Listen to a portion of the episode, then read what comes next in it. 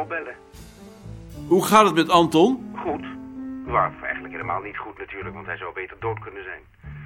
Maar eh, hij heeft een keer geglimlacht en hij reageert nu ook een beetje. Dat is mooi. Nou ja, mooi. Zoveel moet je je daarbij nou ook weer niet voorstellen. Hij beweegt zijn hoofd.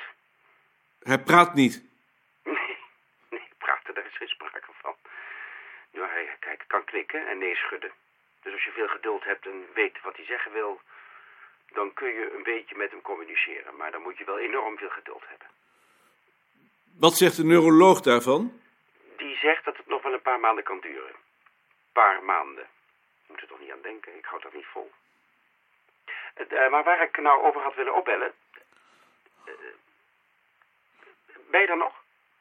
Ja, ik ben er nog. Uh, ik, wou, ik wou je vragen of, of jij ook niet eens naar hem toe kunt gaan. Wil hij dat dan wel? Dat heb ik hem gevraagd natuurlijk. En als ik je naam noem, begint hij te huilen. Wanneer zijn de bezoekuren? Ja, daar gaat het nou om.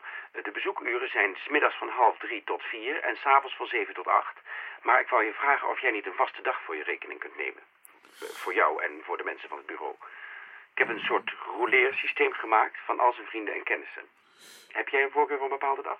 Uh, wanneer ga jij? Nou, ik wou mij voorlopig beperken tot de coördinatie. Misschien ga ik er nog wel een keer naartoe, maar ik kan het eigenlijk niet meer aanzien. Dus zeg het maar, jij bent de eerste. Geef mij de dinsdag dan maar.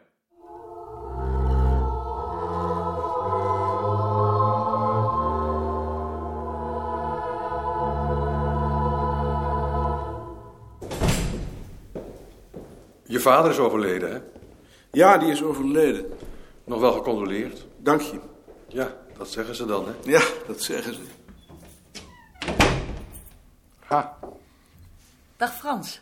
Dit heb ik voor jullie meegebracht. Gember. Mm. Lekker. Ja, dat leek me wel lekker. Dag Jonas. Dag Marietje. Beerta heeft een hersenbloeding gehad. Oh? Hij ligt in de Boerhavenkliniek. Wil je koffie, Frans? Ja, graag. Ja, neem me niet kwalijk, maar ik was niet zo gesteld op Beerta. Hij heeft ook nooit meer iets van zich laten horen. Toen. Nee, dat weet ik. Hij is half verlamd en het schijnt dat zijn spraakcentrum verwoest is. Hij ligt al met te huilen voor Karel en Velly. Oh. Ja, ja, dat lijkt me ook niet zo leuk eigenlijk. Nee, dat lijkt me ook niet. Ik ga dinsdag naar hem toe. Nee, dat zal ik maar niet doen. Nee, vind je niet? Nee, dat hoef jij niet te doen. Nee, dat dacht ik toch ook.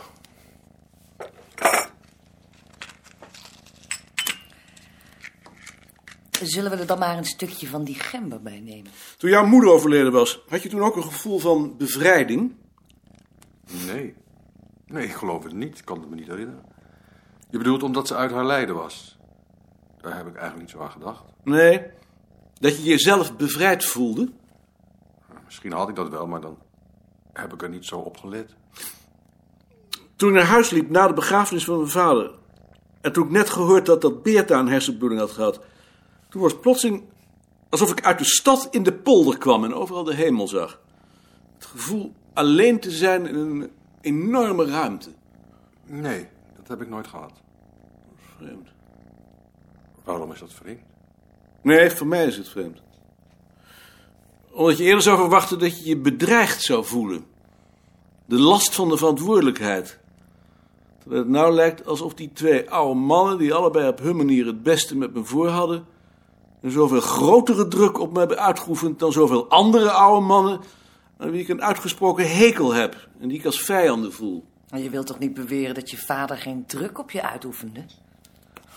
Als er nou iemand is die onder de druk van zijn vader stond, dan ben jij het toch wel? Daar geloof ik niks van. Nou, neem dat dan maar van mij aan. Je vader oefende een enorme druk op je uit. Dat je dat niet inziet. Maar Beerta toch niet? Maar wie zegt dan ook dat het een reactie was op Beerta? Misschien was het alleen maar een reactie op de dood van je vader. Nee, het was ook een reactie op Beerta. Bovendien, ik voel helemaal geen wrok tegen mijn vader. Ik vond hem zelfs heel aardig die laatste weken. Heel moedig ook. Of moedig? Waardig is misschien een beter woord. Ik voelde ook geen verdriet eerder tevredenheid dat alles zo ordelijk verlopen was. Dat hij dood was gegaan zoals een mens dood hoort te gaan. Ja, dat weet ik natuurlijk niet. Het heeft ook iets religieus. Een geloof in de orde der dingen. Jij leest intermediair niet, maar er stond laatst een artikel in over de houding tegenover de dood bij Indianen en Eskimo's. Als mensen oud worden en zich zinloos voelen, vragen ze om gedood te worden. Die man vertelt over een vader die zijn zoon een mes geeft en de plek op zijn borst aanwijst waar hij steken moet. Die zoon steekt het mes in zijn vader, maar mist het hart. De vader vraagt dan rustig om het nog iets hoger te proberen. Zoiets bedoel ik. Ja, dat is een mooi verhaal. Je moet Frans dat jasje van je vader eens laten zien.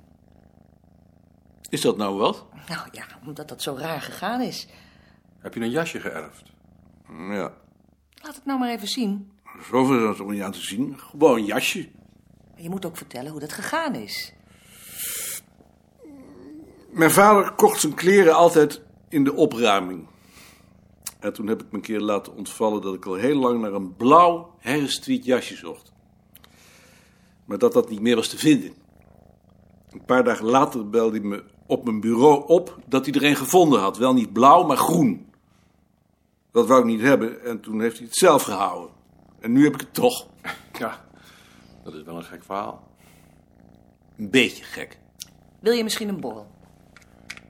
Ja, wel graag. Haal jij het even?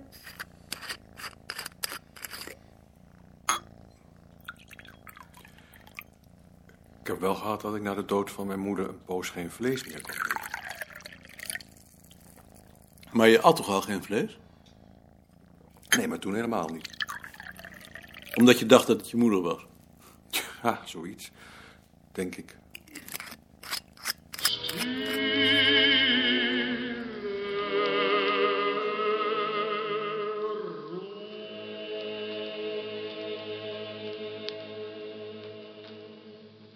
Schiet je op met je lezing? Ik ben op de helft. Waar gaat die over? Over de trouwring. Zit daar nou wat in? Ik vind het zo'n burgerlijk onderwerp. Dat is juist het aardige. Echt iets voor een kapitalistische mannenmaatschappij. Waarom? Mannen dragen toch ook een ring? Maar als het een beetje uitkomt, dan doen ze hem af. Nou, dat kunnen vrouwen toch ook doen? Ja. Maar als een vrouw het doet, dan is ze meteen een hoer. Nou, ik heb niks tegen hoe hoor. Nee. Dat, eh, dat vind ik nou burgerlijk. Ja, dat weten we, Koos. Ad heeft daarover een processtuk gevonden. In de 18e eeuw droegen de vrouwen de ring niet, maar ze bewaarden hem in een doosje als onderpand. Is dat zo? Ik dacht dat dat dragen van de ring al veel ouder was. Dat is wel interessant. Het pas in de loop van de 19e eeuw een statussymbool geworden. Daarom vinden Lex en Tjitske burgerlijk. Maar dat is zeker toch alleen voor de vrouw? Ja, alleen voor de vrouw. Ja, er is een ringetje. Wat betekent dat? Die heb ik van mijn vriendin gekregen. En die draagt er ook zo in? Ik geloof het wel. Als ze hem niet afdoet, tenminste. Je ziet ze tegenwoordig ook wel van die kippenringetjes dragen. Ik ken in Hilversum iemand die draagt het prijskaartje van de BH van zijn vriendin bij zich. Dat is alweer ouderwets. Draag jij een BH? Nee. Dat kan je toch zeker wel zien? Nou, Koos, nou weten we het wel weer. Ach, meneer Koning.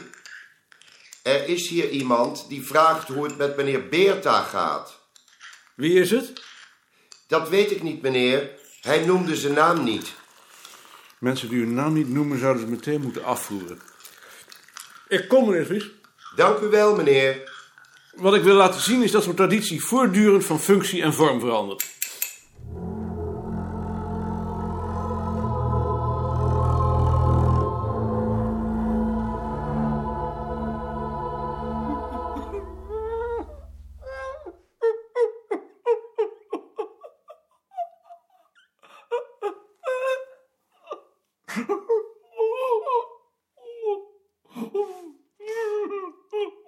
Dag Anton.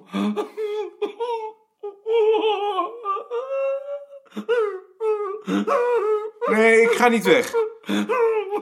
Ik trek alleen mijn jas uit, want het is hier warm.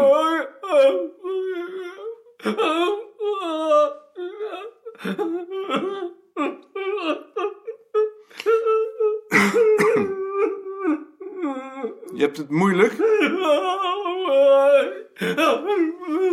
Wil je misschien wat drinken?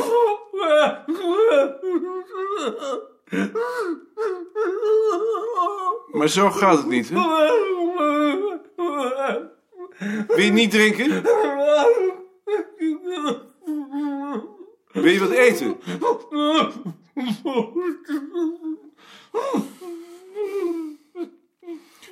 Moet ik de zuster halen? De televisie. Wil je kijken? Is hij stuk? Ik begrijp je niet. Je wilt niet drinken. Je wilt niet eten. Je wilt iets zeggen, maar ik weet niet wat. Er is een brief voor je gekomen. Van ehm, Henk van Rotselaar. Zal ik je die voorlezen?